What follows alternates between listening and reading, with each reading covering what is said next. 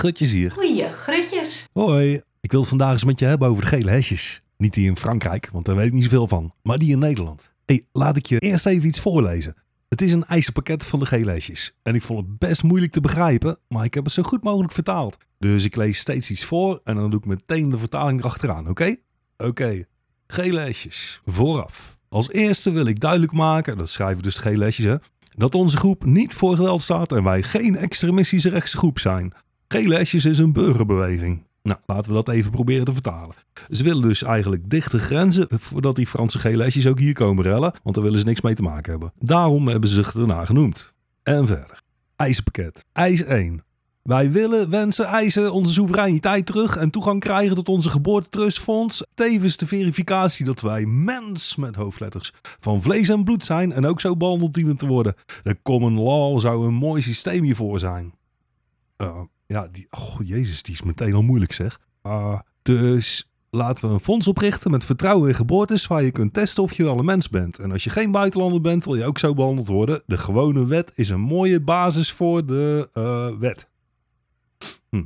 Uh, eis 2. Wij willen wensen eisen btw en accijnsverlagingen en deze moeten gelijk ter sprake komen en worden toegepast. De benzine, gas, olieprijzen moeten per direct omlaag.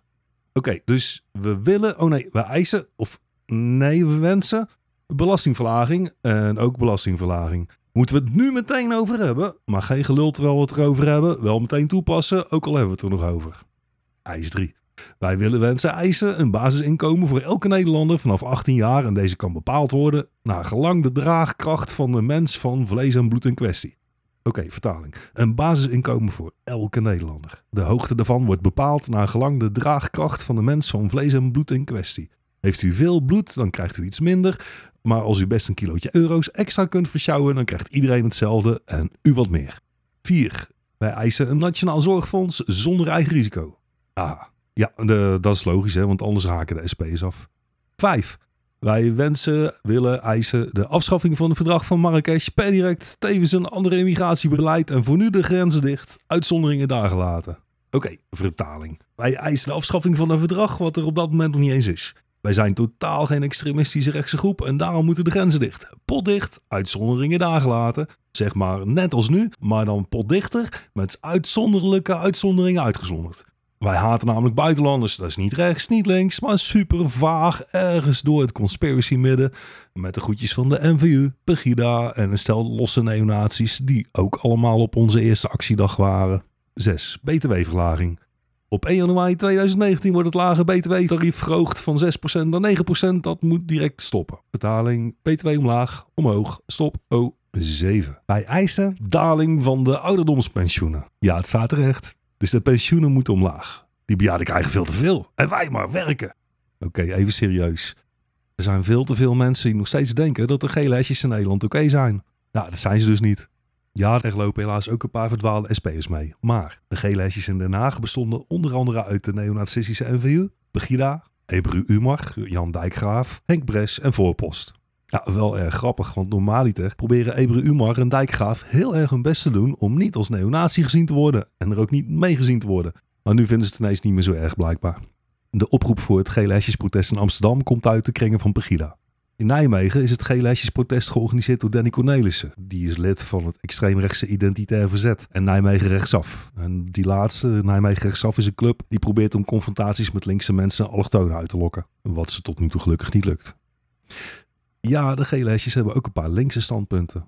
En natuurlijk is goede en betaalbare zorg voor iedereen een goed idee. Dat mensen in opstand komen tegen neoliberalisme, hey, tof. Maar dat zijn bij de Nederlandse gele hesjes slechts smoesjes, waarmee extreem rechts zich oké probeert voor te doen. Heel veel mensen hebben genoeg van Rutte en genoeg van de bezuinigingen. En ja, ook zij zijn tegen Rutte. Sommigen stellen al voor om dan maar samen te gaan demonstreren in het kader van de vijand van mijn vijand is mijn vriend. Hé, maar hoe zie je die vriendschap voor je dan? Straks voor alle Nederlanders een basisinkomen en de rest naar het kamp? Als je gezellig samen wilt demonstreren met mensen die letterlijk mijn vrienden een oven in willen schuiven, nou dan heb je in mijn vriendenkring niks te zoeken. Dan ben ik nog even goed gaan zoeken waar die eerste eis nou vandaan kwam over dat geboortetrustfund. Want daar snapte ik eerlijk gezegd de ballen van. Maar ik heb het gevonden hoor. Blijkbaar is er in extreemrechtse kringen een of andere samenzweringstheorie die zo bizar is dat je haast niet kan geloven dat mensen er echt in geloven. Maar dat doen ze. Een theorie is dus, en ik overdrijf niet, dat de overheid voor iedere baby die wordt geboren in het geniep een trustfund opzet. Een soort geheime rekening. Dus de overheid opent een geheime rekening op jouw naam zodra je geboren bent. En dan stort de overheid haar eigen geld op die rekening voor jou. Een rekening waar je dus niks van weet. Nee, maar dat is niet alles. Nee, zodra je volwassen bent, pikt de overheid dat geld weer terug. Stiekem, de gore oplichters. Ze storten stiekem hun geld in jouw geheime geboortefonds en dan pakken ze dat na een tijdje stiekem hun geld weer terug. Want, eh, eh, eh, hm. nou je snapt, dat pikken die lijstjes niet meer. nou, uh, mocht je denken dat dit allemaal wel erg ver gaat, laat ik je een klein stukje voorlezen van een van de websites die over dit onderwerp te vinden zijn. Dat is masharoedlof.blogspot.com en die heeft er lange verhalen over. Die gaan over de soevereine mens, dat is nog zo'n extreemrechtse aluhoedjestheorie, en vooral over die geheime geboortefondsen. Nou heeft Masha Roedlof daar wel bewijs voor, zegt hij. Dat bewijs komt volgens hem van David Sale. Nou, ik lees voor. Via deze link kun je de audio's van David Sale beluisteren. Ik zelf heb hem niet beluisterd, want op de een of andere manier werkt het geluid van de audio niet bij mij. Signaal uit het universum. Tot zover de quote. Ja, het lijkt mij inderdaad een signaal uit het universum. Namelijk dat die gele hesjes in Nederland een slecht idee zijn. En dat zagen we in Eindhoven ook. Toen de gele hesjes hier met een paar man protesteerden, bleken dat deels dezelfde extreemrechtse hooligans te zijn als die tijdens de intocht van Sinterklaas de vreedzame demonstranten tegen Zwarte Piet aanvielen. Lekkere types. Nou, uh, tijd voor muziekje.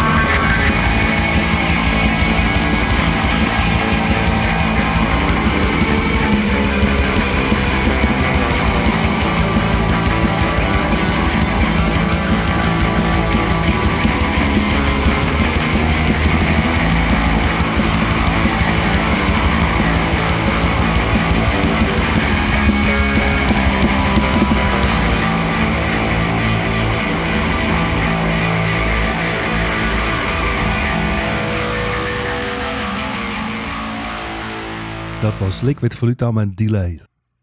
Dus protest organiseren tegen bezuinigingen en ongelijkheid, ja, goed idee. Maar doe dat niet met een geel hesje aan, want dan sta je samen met extreem rechts te demonstreren.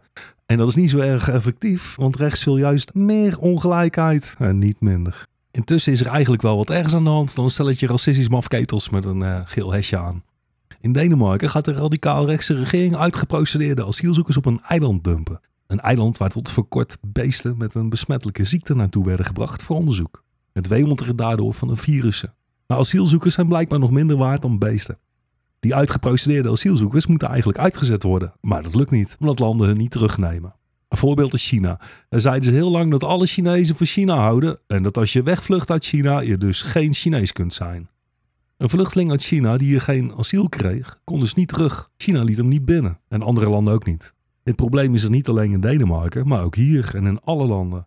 Zulke ongedocumenteerden die niet weg kunnen, maar ook niet mogen blijven, kunnen letterlijk nergens heen. Het is een verschrikkelijk hopeloos leven. Denemarken wil hun nu straffen voor hun bestaan. Door ze op dat eiland te dumpen met nog minder voorzieningen dan een gevangenis. Op een eiland dat wemelt van de virussen. Dat is in de mode. Mensen straffen omdat ze durven te bestaan. Trump pakt zelfs hun kinderen af, zoals je weet. Om dit plan van Denemarken een beetje aanvaardbaar te maken, gaat Denemarken om te beginnen uitgeprocedeerd met een strafblad naar die openluchtgevangenissen sturen. En later dan ook anderen. Dat strafblad heb je als uitgeprocedeerde nogal snel. Dat je niet mag werken, geen uitkering krijgt en mensen die jou helpen strafbaar zijn, ja, dan moet je toch op de een of andere manier aan eten komen. En uh, dat strafbare, in Denemarken werd de kinderombudsman zelfs uh, gestraft. Lisbeth Zornig Andersen, die heeft in 2015 enkele vluchtelingen een lift en een koffie aangeboden. Die zou voor strafrechtelijk veroordeeld wegens medeplichtigheid aan mensensmokkel. Jawel, gewoon een lift binnen het land hè. Dat er in het buitenland regimes zijn die mensen als beesten behandelen, ja, dat is al erg genoeg. Maar dit zal niet meer lang een ver van je bedshow zijn. Dat merk je bijvoorbeeld aan hoe de NOS dit nieuws gisteren op het journaal bracht. Ze hadden wel aandacht voor de nadelen van het plan hoor. Er waren zelfs meerdere interviews met burgers op het journaal. Maar het ging niet over mensenrechten, niet over ontmenselijking van deze asielzoekers. Het ging niet over de hopeloosheid waar deze mensen nu al in moeten leven, omdat ze toevallig geen papiertje hebben. Het ging niet over de fascistische kanten van zo'n ghetto. Nee, de NOS had alleen aandacht voor het gevaar wat deze ontmenselijke mensen voor hun omgeving zouden opleveren. Vergeet die paar maffe rechtse gele hesjes. Het zijn de middenpartijen waar we ons druk om moeten maken. De middenpartijen die steeds verder opschuiven richting extreem rechts. Dijkhoff van de VVD is alweer aan het watertanden. Dit is gewoon een herhaling van de jaren 30. Inclusief ghetto's, inclusief middenpartijen en media die dat volstrekt normaal vinden. Nou, uh, tot zover weer de opgewekte boodschap van Rutjes. Tot over een tijdje. En alvast fijne feestdagen, gelukkig nieuwjaar. Doei!